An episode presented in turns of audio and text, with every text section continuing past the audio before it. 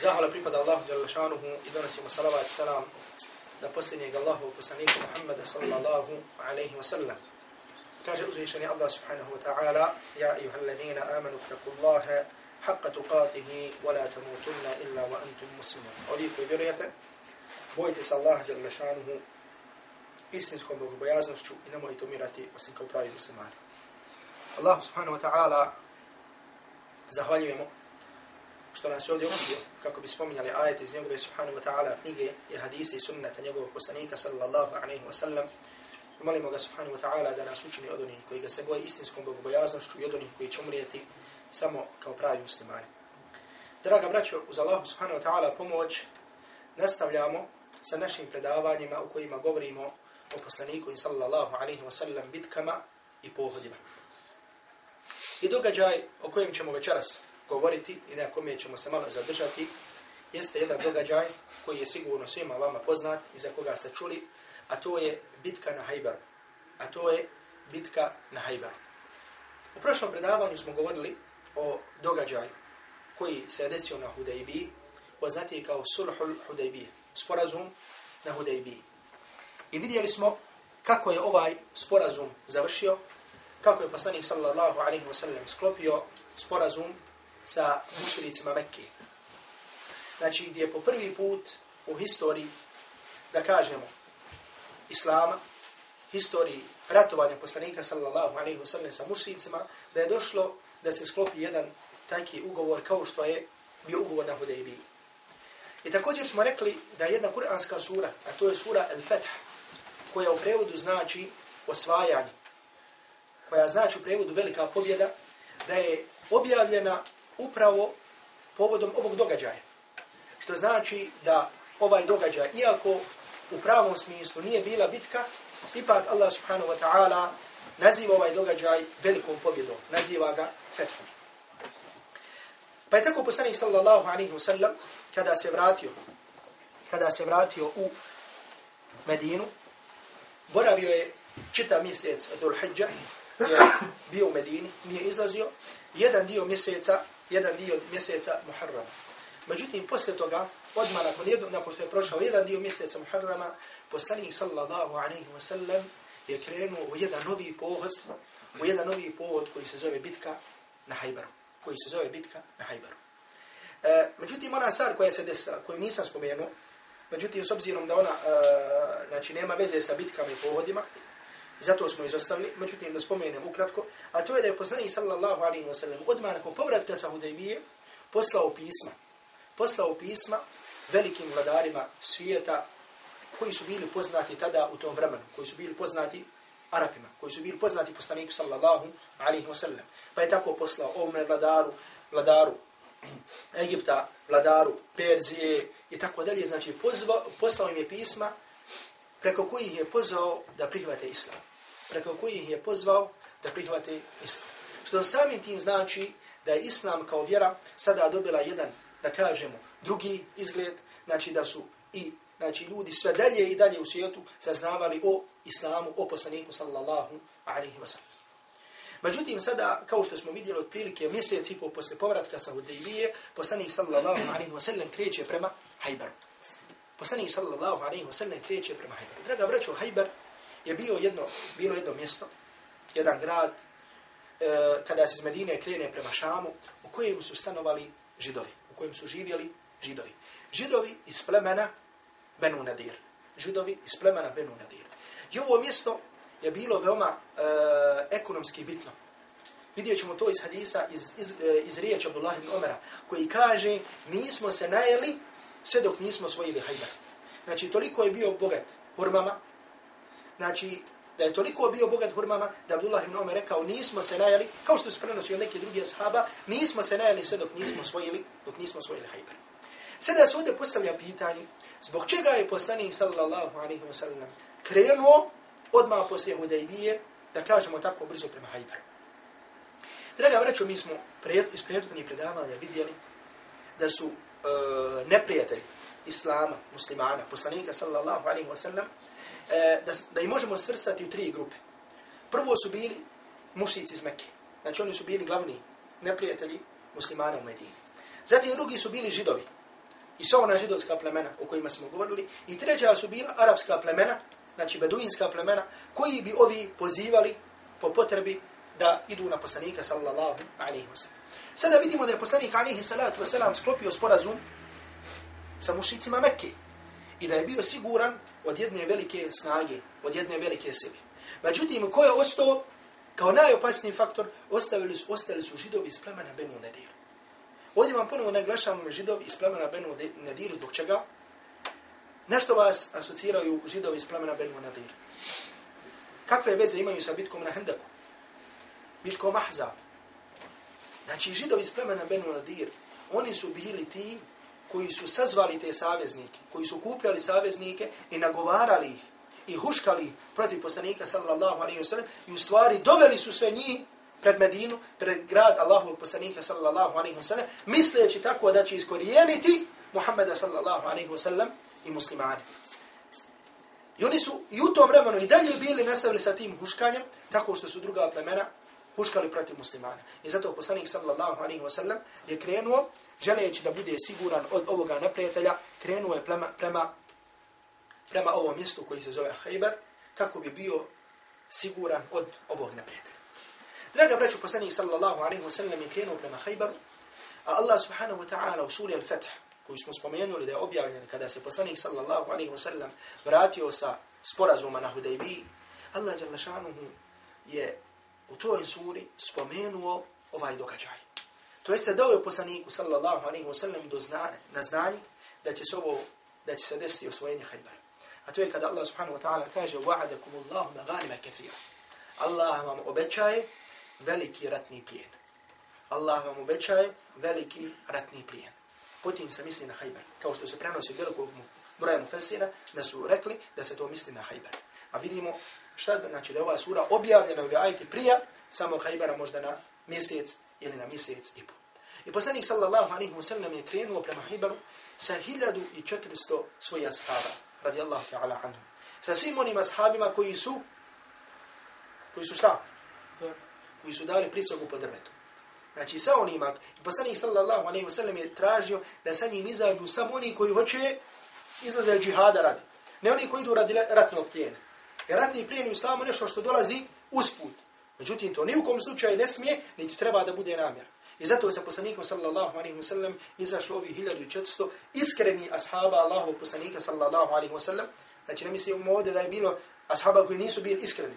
Da je bilo beduinski plemena koji svojim mjestima govorili da su muslimani i tako dalje. Uglavnom izašli su sa poslanikom sallallahu alaihi wa sallam. Poslanik alaihi salatu wa sallam u Medini ostavi ashaba koji se zao Siba ibn Urfuta. Siba ibn Urfuta kao namjesnika. I upravo tada dolazi Ebu Hureyre, taj poznati prenosioc hadisa, dolazi tada u Medinu kao musliman. Dolazi tada u Medinu kao musliman, kao što zabilježi imam Ahmed u svom musnadu, a poslanik sallallahu alaihi wa sallam je već bio otišao na Hajber. Pa on tada požurio da stigne poslanika sallallahu alaihi wa sallam na Hajber, međutim je došao kada je već, kada je već Hajber bio osvojen, kada je već Hajber bio osvojen. Pa mu je poslanik sallallahu alaihi wa sallam, njemu i oni koji su bili sa njima, dao im jedan dio ratnog plijena. Međutim, draga braću, šta se ovdje sada desilo? Kad je poslanik alaihi salatu wasalam krenuo prema Hajbaru, munafici iz Medine su obavijestili židove i postavili vijest da poslanik sallallahu alaihi wasallam i muslimani da idu prema njima. Znači, postavili su im tu vijest da muslimani idu prema njima, pa su tako židovi iz plemena Hajbara obavijestili ono pleme o kojem smo prije bili slušali, to je Gatafan, da im se priključi, da ih bude u pomoći. I ashabi sallallahu alaihi sallam, ashabi radijallahu ta'ala anhum, su nastavili sa poslanikom alaihi salatu wasalam, međutim, bili su velikog jakog morala. Bili su tada velikog jakog morala. Pa tako ćemo vidjeti iz nekoliko hadisa kolika je bila njihova želja da pomognu Allahu subhanahu wa ta'ala vjeru, tako da ni jedna stvar, iako su, znači, kao što ćemo vidjeti, Hajber, nisu bili, nije bio kao neki drugi gradovi, neka druga naselja u, tada uh, u Medini ili blizu Medine ili na drugim mjestima gdje su ratovali. Zato što je Hajber bio u stvari se sastoji od osam velikih utvrda, osam velikih kula, velikih građevina koji su morali da osvoji. Zato ćemo vidjeti da je ponekad opsada jedne tvrđave trajala po nekoliko dana. Pa je tako zabilježio imam Buhari u svom sahihu od Salame ibn Akwa radijallahu ta'ala anhu da kaže Kharajna ma'a nabiji sallallahu alaihi wa sallam ila Khaybar. Kaže ovaj ashab Salame ibn Akwa kaže, krenuli smo sa poslanikom sallallahu alaihi wa sallam prema, prema Hajberu. Pa je tu bio jedan ashab koji se zvao bio Amir ibn Akwa, koji se zvao Amir ibn Akwa, koji je bio pjesnik. Koji je bio pjesnik. Volio je, znači, poeziju, bio je poznat kao pjesnik. Pa jedan borodani koji su bili u toj grupi, rekli su mu, ala tu smi'una min hunajhatika ja Amir. Kaže, Amire, hajde da čujemo nešto tvoje, o tvoje poezije. Hajde da čujemo nešto što ti znaš. Pa je onda on počeo sa stihovima u kojim se između ostalo kaže Allahumma, laula anta mehtadajna, wala tasaddaqna, wala sallina. Allahu dragi, da nije tebe, ne bi bili na uputi. Niti bi klanjali, niti bi sadaku davali. Niti bi klanjali, niti bi sadaku davali. Znači stihovi u kojima se govori o Allahu subhanahu wa ta'ala uputi, o namazu, govori se o zakatu i tako dalje. Pa je poslanik sallallahu alaihi wa sallam čuo ove stihove. Poslanik sallallahu alaihi wa sallam je bio čuo ove stihove, pa je rekao, meni sa'iq, ko je naj ko govori? Pa, pa su mu rekli, Amir bin Akwa. Pa je poslanik sallallahu alaihi wa sallam rekao, jarhamuhullah, Allah mu se smilovao. Pa je poslanik sallallahu alaihi wa sallam za njega uputio dovu i rekao mu, jarhamuhullah, Allah mu se smilovao. Pa jedan od prisutnih je rekao, vajibat ja nabi Allah. Jedan od prisutnih je rekao, obavezan mu je Allahu poslaniče. Vađebet ja nabi Allah, obavezno mu je. Šta mu je obavezno? Misli se na džennet. Misli se, kad je poslanik sallallahu alaihi sallam putio dovu za njega, jedan od prisutnije rekao, obavezno mu je džennet. Pa onda rekao, ja Rasulallah, laula amt'atna bihi. Kaže Allahu poslaniće, zbog čega nam ga, zbog čega nam ga nisi malo ostavio? Zbog čega nam ga nisi malo ostavio? Zna neko šta se misli pod ovim? Pod ovim se misli. Znači, da, da se nam ga ostavio da još duže ostane sama na dunjaluku. Zato što poslanik sallallahu alaihi wa sallam ni za koga nije uputio dovu, a da taj nije postao šehid. Znači ni za kog poslanik sallallahu alaihi wa sallam nije uputio dovu, niti o, e, zatražio da mu Allah šanu oprosti, znači po imenu tom i tome, ovome, ome, a da nije na dunjaluku postao šehid. I zato pogledajte, kada su čuli ovu dovu poslanika, alaihi salatu wasalam, to su znali iz prakse. Pa su rekli, vođebeti ja nabijala, Allah, obavezano je džennet. Te se preselit će, inša Allah i ta'ala še, kao šehid. Još su rekli, leula am ta'ate nabi, zbog čega nam ga još nisi ostavio. Pa da ovako nam lijepo bude sa njim, da slušamo njegovu poeziju i tako dalje. I u istinu, ovaj ashab je na hajbaru preselio. Međutim, desilo se da je greškom ubio samog sebe. Jer tada je e, izašao jedan poznati židov, veliki ratnik, veliki ratnik koji se zvao Murhib, Muh, e, Izašao je i tražio nekoga na dvoba. Izašao Amir ibn Akwa. Međutim, pošto mu, kada je zamahnuo svojom sabljom, sablja se je vratila i udario je sebe. I umro je od tirana. I onda su neki došli, Allahu poslanik sallallahu alaihi wa sallam, da mu kažu, Allahu poslanik će propoje. Ubio je samog sebe, u džahannam će. Pa je poslanik sallallahu alaihi wa sallam rekao, kaže, kezebe men kale. Kaže, slago je onaj koji to rekao. Inna lahu la eđerajni. Njemu pripadaju dvije nagrade innahu la jahidun mujahid. Kaže on je pravi mujahid. Kar, kalla arabijun meša biha mithluhu. Malo je oni, malo je oni iz plemena koji su poput njega. Malo je oni koji su poput njega. Znači pogledajte kakav je bio moral ashaba Allahu od poslanika alaihi salatu wasalam. A o tome ćemo posebno se dotaknuti kada budemo govorili o njihovoj hrabrosti. Pa zatim također Toliki je bio njihov moral kao što je zabilježio imam Buhari od Ebu Musa al-Ash'ari radijallahu ta'ala anhu. Da su kaže kada smo krenuli prema Hajbaru, ljudi kad bi ovako, kaže kada bi se popeli na neku uzvisinu, kaže rafa'u asvatom bit takbiri wa tahlili. Kaže ashabi su digli, naglas počeli da izgovaraju tekbire, da govore Allahu akbar, Allahu akbar, la ilaha illa Allah. Znači od dragosti. Međutim, pa idu u borbu, idu u rat. Znači nije bilo straha. Nije bilo da kaže, o majko moja, ja idem, što sam ovdje, ja sad ovdje, neko drugi tamo, ne, nego pogledajte te radosti, govorili su Allahu akbar, Allahu akbar, la ilaha illallah. Pa je poslanik sallallahu alaihi sallam uputio na nešto što je bolje. Pa je poslanik alaihi salatu wasalam rekao, ja juhan nas, irba'u ala enfusikum. O ljudi, nemojte tako glasno izgovarati. Innekum la tad'una asamma wala ghaiban. Vi ne dozivate nekoga koji je gluh, niti nekoga koji je daleko, koji je odsudan. Innekum tad'una sami'an qariba. Vi zovete nekoga dovu i zikr, činite nekome koji čuje, koji je blizu. Wa huwa ma'akum. I on je sa vama. Pa kaže Abu Musa al-Ash'ari, kaže, bio sam iza poslanika, alihi salatu wasalam, izgovarao sam zikr, govorio sam, wala hawla, wala kuvvete illa billah, wala hawla, wala kuvvete illa billah. Pa mi se poslanik sallallahu alaihi wasallam obratio rekao, ja Abdallah ibn Qais. A pravo ime Abu Musa al-Ash'arija, koji se mnogo spominje kao prenosio iz hadisa, je bilo Abdullah ibn Qais. Pa kaže Abdullah ibn Qais, o Abdullah ibn Qais, pa sam rekao, lebejke ja Rasulallah, odazivam ti se Allahu poslaniče. Pa mi poslanik sallallahu alaihi wa sallam rekao, ala adulluka ala kenzin min kunuz il džanna? Kaže, hoćeš li da te uputim na jednu od džannetski riznica? Pa mi je rekao, bela ja Rasulallah, hoću Allahu poslaniče. Pa mi poslanik sallallahu alaihi wa sallam rekao, izgovaraj, wala hawla, wala kuvata illa billah. To jeste isti onaj zikr, koji on izgovarao, međutim poslanik sallallahu alaihi wa sallam mu je rekao da je to riznica od džennetskih riznica. Znači da čovjek izgovara wala hawla wala quwwata illa billah što više puta može. Zatim, draga braćo, poslanik sallallahu alaihi wa sallam je došao na hajbar, stigao na hajbar, već je bila noć. Međutim, od sunnata i od prakse, poslanika sallallahu alaihi wa sallam je bilo da ne napada kada negdje dođe, sve dok ne nastupi zara.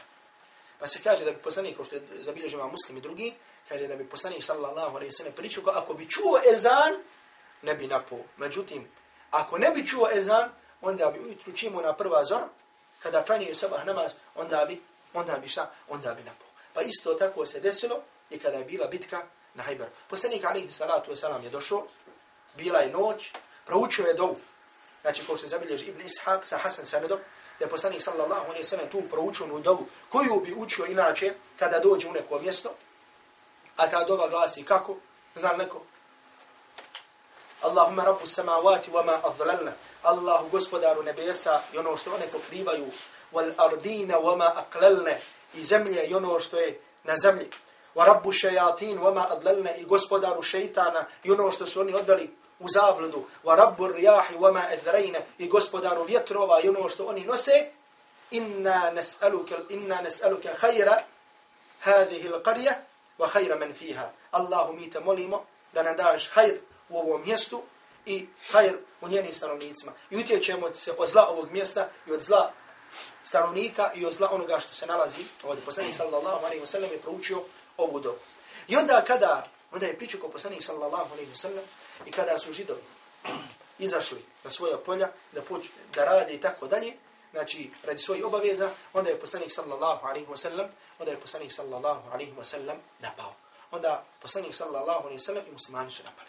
Međutim, draga braću, kao što smo rekli, Hajber se sastaju od osam velikih utvrda. I Hajber nije odma osvojen, nego je osvajan tako, tako što je padala jedna po jedna utvrda. I židovi svaki put kada bi pala, kada bi muslimani os, os, osvojili jednu utvrdu, jednu tvrđavu, oni bi otišli u drugu. Kada bi osvojili drugu, oni bi otišli u treću. Kada bi osvojili ovu, i sve su tako išli. Međutim, oni su imali hrane, imali su vode, imali su oružje. Tako da jedna tvrđava, da bi ponekad dva ili tri, tri dana, neke po deset dana trajalo, znači kako bi bila osvojena. I onda, kao što smo na početku rekli, znači, bitka je počela tako što je izašao ovaj tako što izađe, izašao ovaj židov, koji je izazvao, bio Amir ibn Ekwa, Amir ibn Ekwa bio na dvojbu. I onda ga je šta? I onda ga je ubio. Pa je tada izašao Alija radijallahu ta'ala anhu, koji je pokazao veliku hrabrost u toj bici i ubio je ovoga židova i kao što se kaže u predaju, وَكَانَ الْفَتْحُ عَلَى يَدَيْهِ Pa je tako osvojenje i pobjeda bila sebebom Alija radijallahu, sebebom Alije radijallahu ta'ala anhu. Uh, u musnadu imama Ahmeda se kaže da je poslanik sallallahu alaihi wa sallam, odnosno da je poslanik sallallahu alaihi wa sallam bio dao zastavu Ebu Bekru, radi Allahu ta'ala anhu. Pa Ebu Bekr dva puta, dva dana uzastopno pokušavao da osvoji prvu utvrdu koja se zvala Na'im, tako je bilo ime, međutim nije uspjevao. Znači jednom je otišao sa vojskom, nije uspio da osvoji tu utvrdu. Pa je sutra također izašao pa nije uspio. Pa je drugi dan, pa ste drugi dan, poslanik sallallahu alaihi wa sallam je rekao kaže gadan, kaže poslanik sallallahu alaihi wa sallam, sutra, la u'tijanna gadan, sutra ću kaže dati, la u'tijanna hadhihi rajata gadan rajulan. Kaže sutra ću, kaže poslanik alaihi salatu wa sallam, ovu zastavu dati čovjeku, jeftahu Allahu ala jedaihi. kaže Allah će dati da pobjeda bude njegovim sebebom, na njegovim rukama. Kaže yuhibbu yuhibbu yuhibbu Allaha wa rasulahu wa yuhibbuhu Allah wa rasuluhu. Kaže čovjek koji voli Allaha i poslanika, a i njega voli Allah i poslanik sallallahu alaihi wa sallam. Međutim poslanik sallallahu alaihi wa sallam, nije rekao ime, nije rekao koje. Pa kaže, pa su svi ljudi gledali ko će to biti. Pa sutra kada je osvanuo dan, svi su požurili poslaniku sallallahu alaihi wa sallam, nadajući se da će oni biti ti. Da će njih prozvat poslanik sallallahu alaihi wa sallam. Pa kada su došli, poslanik sallallahu alaihi wa sallam je rekao, Aina Ali ibn Abi Talib. Dija Alija, sin Abu Talib. Pa smo rekli, ja Rasulallah, je šteki ajnej. Allahu poslanik je bolestan je. Ima problem u svojim očima. Bolestan ima problem u svojim očima.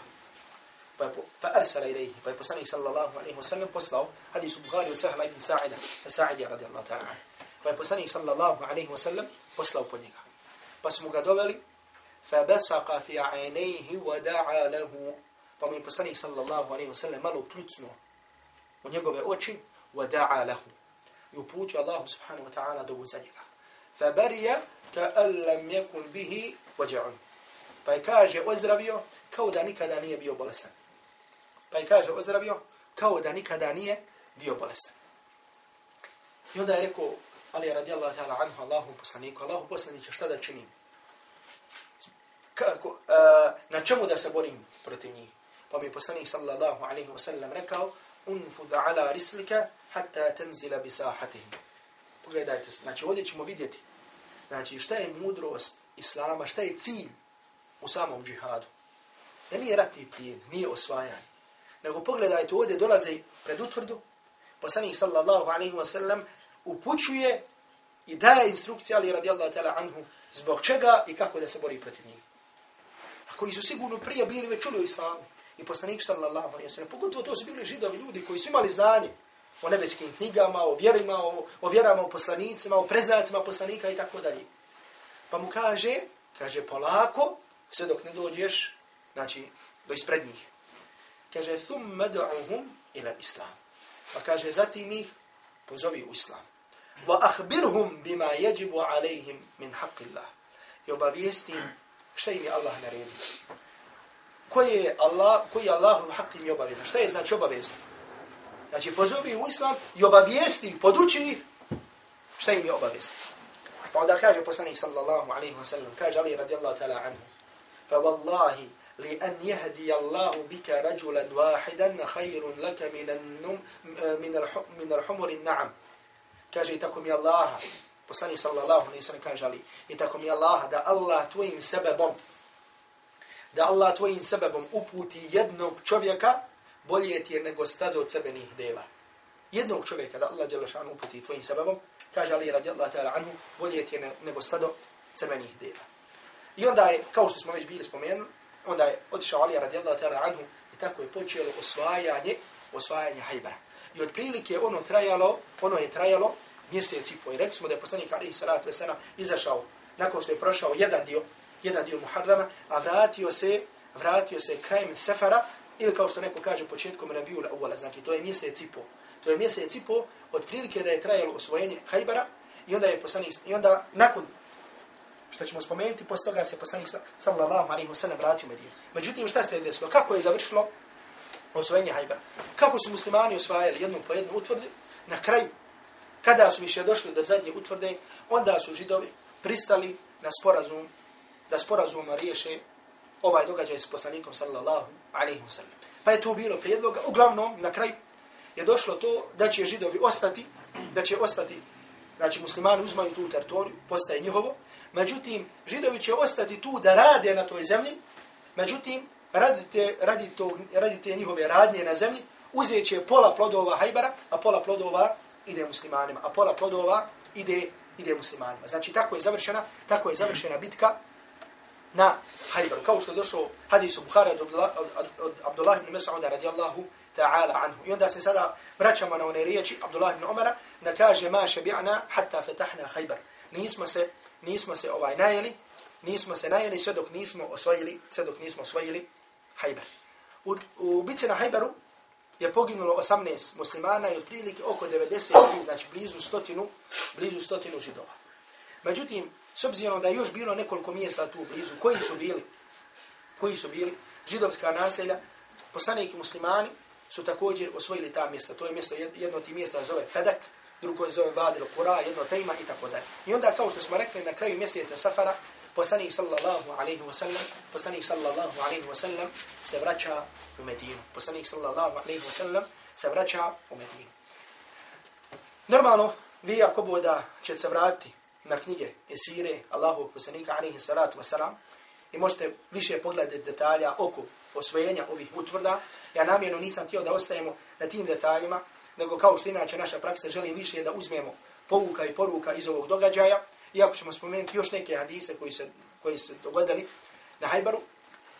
Međutim, spominjajući poruke i pouke ove bitke, draga braćo, prvu stvar koju mi želio da spomenem, to je važnost zikra i važnost dobe. Važnost zikra i važnost dobe. Znači vidimo ovdje šta?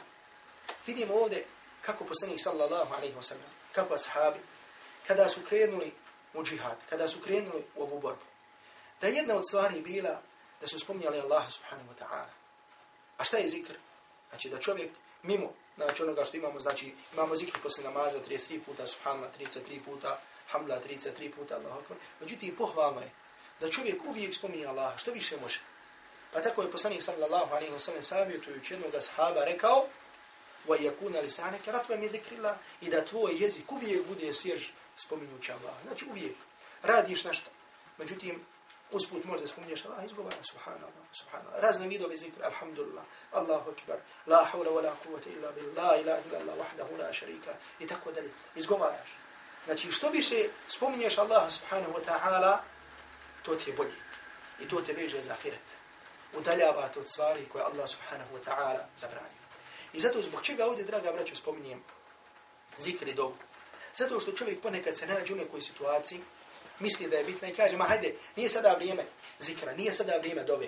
Ne moram sada zikriti, ne moram sada dobiti. Nije to toliko bitno. Bitno, nešto drugo je mnogo bitnije. Pogotovo da kažemo ljudi koji su malo okupirani politikom i da kažemo na neki politički, kroz neki politički islam gledaju na, na pojave, na dešavanje, kažu, hajde, nije sada bitno toliko, samo trebamo neke druge stvari, nekim drugim stvarima da brinemo. Međutim, pogledajte ovdje, kreću u ovoj stvari. Poslanik alihi salatu wasalam dolazi na hajber, dolazi, uči dovu. Znači od sunneta, to je pohvalno. Međutim, poslanik sallallahu alaihi wasallam uči ovu dovu. Je draga braćo, zikr, i dova, ibadet je osnova za muslimana u svakom vremenu, na svakom mjestu i u svakoj situaciji. Znači osnovna stvar za koju moraš biti vezan jeste tvoj ibadet. Jeste tvoje spominjanje Allaha subhanahu wa ta'ala, tvoja dova, tvoje učenje Kur'ana i tako dalje. Da sada ne idemo ovdje naširoko. Međutim, ibadet je taj koji drži čovjeka u vezi sa Allahom subhanahu wa ta'ala i udaljava ga, i udaljava ga od stvari koje je Allah subhanahu wa ta'ala zabranio. Međutim, kada je čovjek daleko, kada ne spominje mnogo Allah subhanahu wa ta'ala, onda je čovjek puno više sklon da se šali. Međutim, kada se čovjek puno šali, onda svakakve gluposti priča, budaleštine. Tako da ponekad možda rekne neku stvar, stvar koja je haram, međutim on to ne osjeti.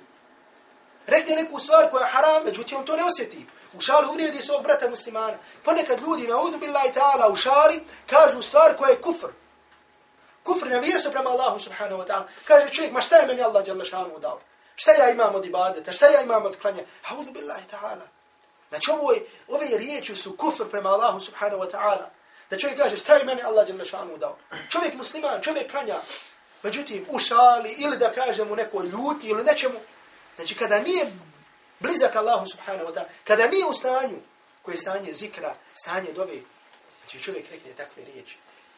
I zato, draga braćo, čovjek treba što više da spominje Allaha subhanahu wa ta'ala. Kada god može da iskoristi priliku, ide u džamiju prema namazu, ide prema dersu, nema šta, ideš pješke, spominje Allaha subhanahu wa ta'ala, voziš sutu, nema šta, ne slušaš Kur'an, spominje Allaha subhanahu wa ta'ala.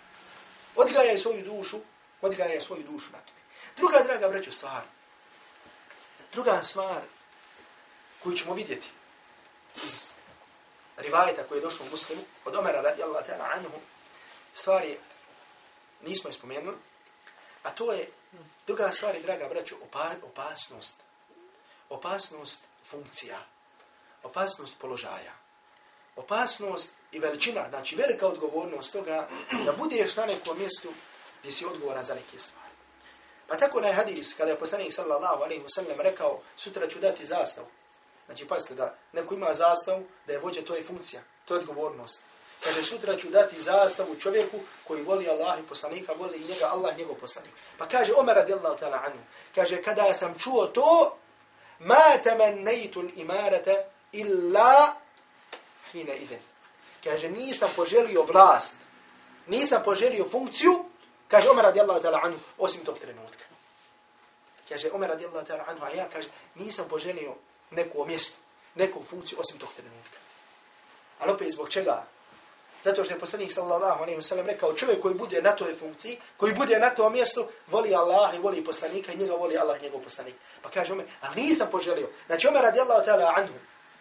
To je bio, takva, tako je su bile duše ashaba, ove najbolje generacije, da nisu težile, da nisu želile, da njihove duše nisu tražile funkcije. Međutim, danas ljudi samo daj, daj Bogu funkciju. Znači čovjek vidi sebe, on vidi sebe da njemu to mjesto pripada da on mora da bude to, da mora da... Čak ljudi da Allah Đelešanu sačuva, koji govore o Allahu Đelešanu u vjeri, koji govore o davi, koji govore o sunnetu poslanika alaihi salatu wasalam, nekad vidiš iz njihovih govora, iz njihove prakse, da on želi da bude taj koji se pita. Da on bude taj koji se pita da se njegova riječ sluša. Međutim, ashabi, Allahu poslanika alaihi salatu wasalam, draga braću, su bili ljudi koji su bili daleko od toga. Pogledajte, samo su u ovom, kažemo, samo je u tom trenutku poželio to. A to je bilo kada, kada je poslanik alaihi salatu wasalam rekao da će na tom mjestu biti čovjek koji voli Allah i poslanika i njega voli Allah i njegov poslanik. Međutim, ova stvar je usko vezana sa onom prvom stvari. A to da čovjek koji je u zikru, koji je u dovi, koji se tu drži prakse poslanika sallallahu alaihi wasalam, taj čovjek neće želiti vlast. Taj čovjek neće želiti funkciju. Međutim, čovjek kada se udalji od toga, čovjek kada se udalji od toga, onda će biti od onih koji žele funkcije, koji žele i tako da. Draga braćo, također iz ovog događaja vidimo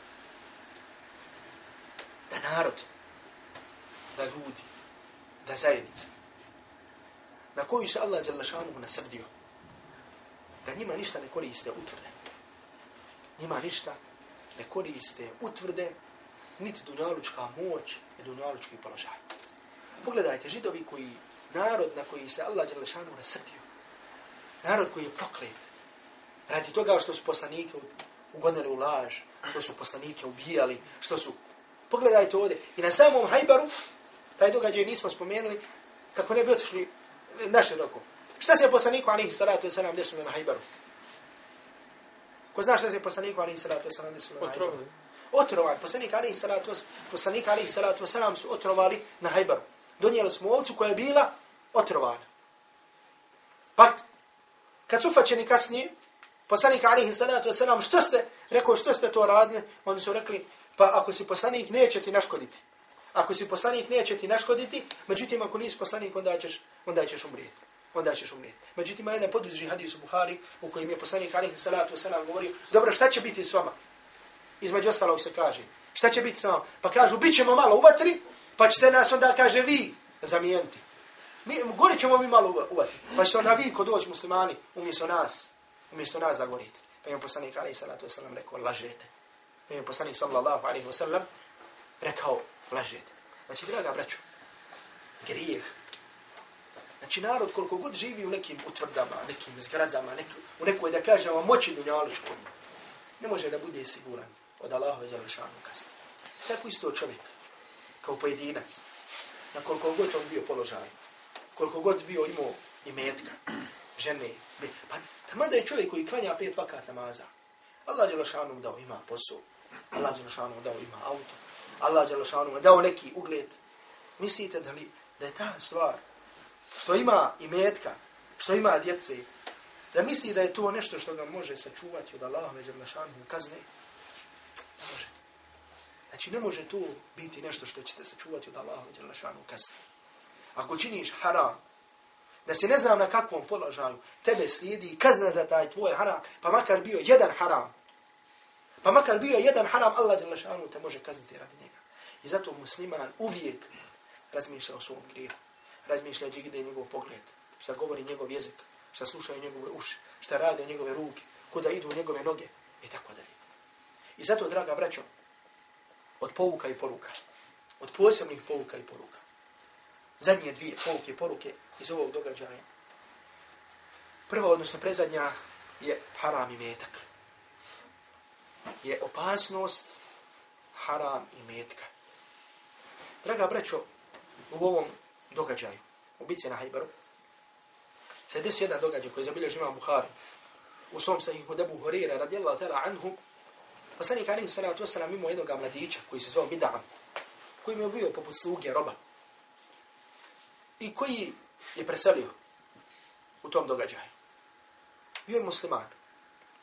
I kada je preselio, došli su ljudi poslaniku alaihi salatu wasalam i počeli su govoriti hani'an lehu l-đanne. Lijep mu džennet bio. Blago njemu u džennetu. Lijep mu džennet bio. Pa je poslanik sallallahu alaihi wa sallam rekao kalla. Nije. Nije u džennetu. Pa je rekao والذي نفسي بيده إن شمل التي أخذها يوم خيبر من المقاسم kaže tako mi Allah dželle tako mi onoga u čijoj ruci moja duša. Ona odjeća koju je uzo na dan Hajbara iz zlatnog plijena lem tu sibha al makase, prije nego što se ratni plijen podijelio la teštailu alayhi nara sagda na njemu gori. Ona odjeća ono što je uzo od odjeće jer propis je da se ne smije ništa uzimati iz ratnog plijena dok imam ne podijeli. I e kaže ovo dijelimo na toliko i toliko dijelova, ovo ima toliko dijelova. Prije toga sve što se uze je haram. Prije toga sve što se uzme je haram. Osim da čovjek uzme nešto da pojede, nađe jabuku, nađe nešto pojede, to je izuzeto. Međutim, da čovjek uzme sebi košulju, džemper, to je haram. Pa poslanik sallallahu alaihi wa sallam kaže da ono što je uzo na neispravan način, na haram način, le tešte'ilu alejhi nara. Kaže, sada na njemu gori, sada na njemu gori u jahannam. Sada na njemu gori u jahannam. Zatim također zabilježi imam Buhari od Abdullah ibn Amra, drugi hadis za čovjeka koji se zvao Kirkire. Kirkire. Da je poslanik sallallahu alaihi wa sallam rekao, huwa fin nar. Međutim, sve su to bili ljudi koji su bili muslimani. Bili s poslanikom sallallahu alaihi sallam. Poslanik alaihi salatu wasallam je rekao, huwa fin nar. On je sada u vatri. Fa zahabu jenuzoruna ilaihi. Pa su ashabi otišli da vide. Mogu li vidjeti nešto na njemu? Zbog čega je? kaže fa wajadu alayhi aba'atan gallaha. pa su na njemu našli isto odjeću abaj znači kao jedan ogrtač koji je na isti način kao prethodni uzeo iz ratnog plijena draga braćo šta ovdje možemo primijeniti? Draga vreću, šta ovdje možemo primijetiti možemo primijetiti da su to bili ljudi koji su bili s poslanikom sallallahu alaihi wa sallam a onaj koji sa poslanikom sallallahu alaihi wa sallam oni šta oni ashab Međutim, taj, odnosno ti ashabi, su se borili s poslanikom sallallahu alaihi wa sallam. Poslanikom sallallahu alaihi wa sallam bili u džihadu. Zamisli da ti Allah šanuhu da tu počast, da budeš na tom mjestu, da budeš u džihadu sa Allahom i poslanikom sallallahu alaihi wa sallam. I Allah Đalešanu je njih počastio. Međutim, čak je odgovora za svoja djela. I pogledajte ovdje poslanik sallallahu alaihi wa sallam kaže, huwa fin nar, oni u džahannamskoj vatri. Pa kako da čovjek koji nije blizu te da ređe, draga braću, koji niti je ashab, niti je bio u džihadu, niti je petarde bacio, može da ima nekog harama u svom imetku, a da bude siguran od Allahove džalnešanu kazne. Kako čovjek koji ne daje zekat, može da bude siguran od Allahove džalnešanu kazne. Draga braću, ima Abu Dawud je zabilježio u svom sunanu, došla žena Allahom poslaniku alaihi salatu wasalam, sa djevojicom. Poslanik alaihi salatu wasalam vidio narupicu zlata. Pa poslanik sallallahu alaihi salam rekao ovoj ženi, etu zekine hada, da li daješ zekat na ovo? Pa je žena rekla, ne dajem. Pa kaže poslanik sallallahu alaihi sallam, e jesurruki, e yusawwiraki Allahu sivarejni minan nar. kaže, bil ti volla da ti Allah Đelešanu dadne dvije, dvije narukvice od dva, da budu na tebi. Daješ la ovo zekat, ne daj. Kaže, bili volila da na tebi budu dvije narukvice od dva. Draga braću, svaki haram i metak spada pod ovo. Čovjek na ovaj način zarađuje, čovjek na ovaj način zarađuje, na ovakav način zarađuje, ne daje zekat, krade, vara, jedan možda ne krade, vara, međutim, ne vodi računa da li je to po islamu ispravno, da li je ispravno i tako dalje. Draga braću, čovjek se mora bojati Allaha subhanahu wa ta'ala kada je u pitanju metak. I zato pogledajte, pogledajte kako ova vjera jedinstvena. Kako ova vjera jedna. S poslanikom sallallahu alaihi wa sallam se bio. Poslanikom alaihi salatu wasalam se borio. Međutim, na neispravan način sticao svoju imovinu. Uva nar, on je uvatri. Međutim, danas, danas je ovdje kod nas, kod je postao trend ljudi, ono, kriminalci, ono, dođe nekad u džamiju, klanja, znači isto kod je na jedan način postao trend, ljudi kaže Allahu akbar, ide ovoga mašala klanja. Dobro, hamda što on klanja. Znači to što on klanja mašala. Međutim, njemu je prioritet da on ostavi svoj haram. Da mu se kaže to je haram i da on ostavi svoj haram. A ne kao što ste gledali ovih dana po televiziji, ovo ljudi muslimani dođu u prve safove, pa govore kako bi silovali čerku ovome, kako bi ovo radio, ovdje var ovoga, ovdje reketar ovoga, a vama musliman, Allah akbar, kaže ja sam u srcu musliman. I vide i muslimani, kaže Allah akbar, vidi muslimana, vidi došli u oni su, kaže, pravi. One, I naha čovjek išao, hađija, kaže, on je hađija, a vama ima svoje tombole, ima svoje ovo, ima svoje ovo, da Allah djelašanu sačuva. Draga braćo, i metak je u islamu na velikom mjestu. I zato da čovjek očisti svoj metak od harama je jedna glavna i osnovna stvar. I to je nešto što ljudima uvijek treba govoriti. Draga braćo, to je jedinstvo, to je cijelina islama. Znači, ne možeš ovdje biti musliman, ovdje nećeš biti musliman. Znači, suština pravog islama je potpuna predanost Allahu subhanahu wa ta'ala. Draga braćo, zadnja stvar o kojoj moramo razmisliti. Neću reći koju ćemo spomenuti, nego moramo i razmisliti. I moliti Allah subhanahu wa ta'ala da tu osobinu kod sebe budemo imali. Draga braćo, to je hrabrost. To je hrabrost, hrabrost koja je u srcu. Jer nisu svi ashabi Allahu poslanika alaihi salatu wasalam bili kod brda odvaljeni, što mi kažemo. Niti su išli u teretane, niti su išli ovo. Međutim, imali su hrabre srce. I zato čovjek ako ima hrabro srce, sve drugo je lahko. Međutim, ako nema hrabro srce, ništa drugo mu ne koristi. Međutim, kako se dolazi do te hrabrosti? Draga braća, do te hrabrosti. Hrabrost koja koristi, pazite, hrabrost koja koristi kod Allaha subhanahu wa ta'ala. Jer ima i druge hrabrosti, hrabrost koja radi ljudi. Pa je tako i bice na Hajbaru. Zabilio žima Buhari. Bio čovjek, bio hrabar. Kažu, nije ni jednog židova ostavljio kad je bila bitka, a da nije išao za njim. Kad se drugi okrenuo, on bi išao za, za židovima. Pa je preselio. Pa su i ovi rekli, Allahu ekber, ostavnika, džennet, poslanika, nije se ratu, sam vam rekao, on je ostavnika vatre. On je ostavnika vatre. Zbog čega on je ostavnika vatre? Pa jedan koji je bio prisutan, kaže, ja sam svjedok. Kaže, bio je ranjen, pa je, kaže, stavio svoju sablju na zemlju i stavio sebe na zemlju i probio se. Izvršio, izvršio sam ubijstvo. Pa je tada poslanik Ali salatu sa rekao, Abu Hureyre, Abu Hureyre, idi i objelodani, reci ljudima da u džennet neće ući osim mu'min, osim mu'minska duša, wa inna Allahe la yuayidu hada din bi rajul fađa. I da će Allah u vjeru pomoći, pa makar sa griješnikom. Kao što je taj čovjek koji je bio griješnik. Ali Allah Đelešanu je pomogao sa njim ovu vjeru. Međutim, ta hrabrost je bila hrab, ali nije, nije to prava hrabrost. Hrabrost sa kojom dođe iman. Hrabrost sa kojom se, do, u čije srce uđe iman, I povede se za sahabima Allahovog poslanika, alaihi salatu wasalam, koji su bili hrabri i vidi njihovu hrabrost i nauči iz njihove hrabrosti. To je, draga braću, hajr i na dunjaluku i na hiratu. Pa smo vidjeli hrabrost Ali radijallahu ta'ala anhu. Međutim, događaj koji vam želim ovdje spomenuti je događaj jednog ashaba, čije se ime ne zna. Čije se ime ne zna. Međutim, kakve, kakve koristi, odnosno, šteti li to nešto što se nje, ne zna njegovo ime, ako je niko na Allah subhanahu wa ta'ala na velikoj deređi. Kakve je štete u tome što neko ne zna možda imena neki ljudi i šta su neki ljudi uradili, međutim on su kod Allaha želešanu u džennetu. Pa je tako zabilježi imam Nesai od Shaddad ibn Hadija, hadijs koji je vjerodostojen, da je došao čovjek, beduin, iz plemena, iz pustinje, Allahovom poslaniku sallallahu alaihi wa sallam i primio islam. Ovaj hadis dobro poslušajte.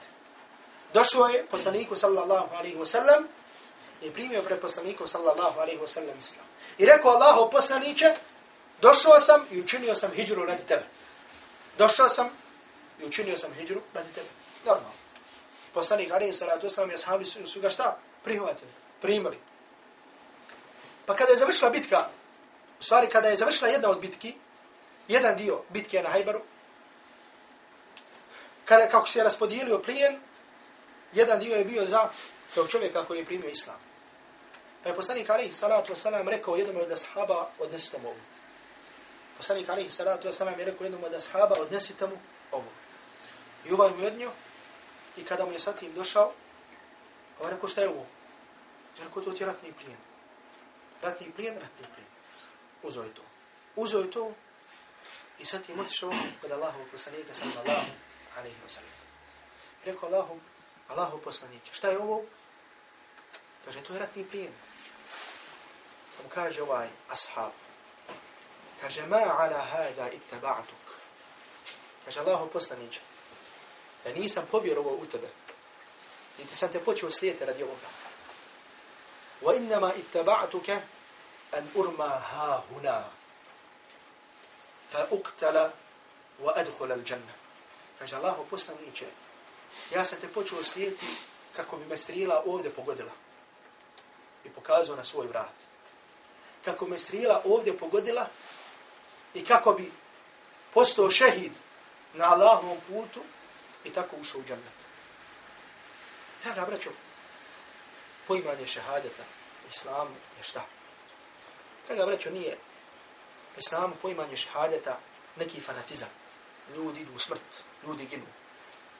Jer u sunnetu, u vjerodostojnim hadisma, u Buhari i muslimu je došlo toliko hadisa u kojima se govori da je poželjno da svaki musliman priželjkuje da bude šehid na Allahu djelašanu. To nijedan musliman, da ne kažem alim, može da negira. O toliko hadisa u kojima se govori da čovjek, ako ne može da ratuje, da priželjkuje da bude, da bude šehid. Međutim, što znači taj šehadet? Nije to kada čovjek spuca nakav crnjak, ima neki problem, ovaj se vam ubija, ovaj vam ode i baci se. Ono, da ga neko ubije. Nije, draga braću, to. Šehadet u islamu je šta? Da najviše daš na ovom dunjaluku što se može dati, a to je svoj život za Allahu za lašanu vjeru. Da daš za Allahu za lašanu vjeru. I draga braću, zato nije, zato nije šehadet samo da čovjek pogine na bojnom polju.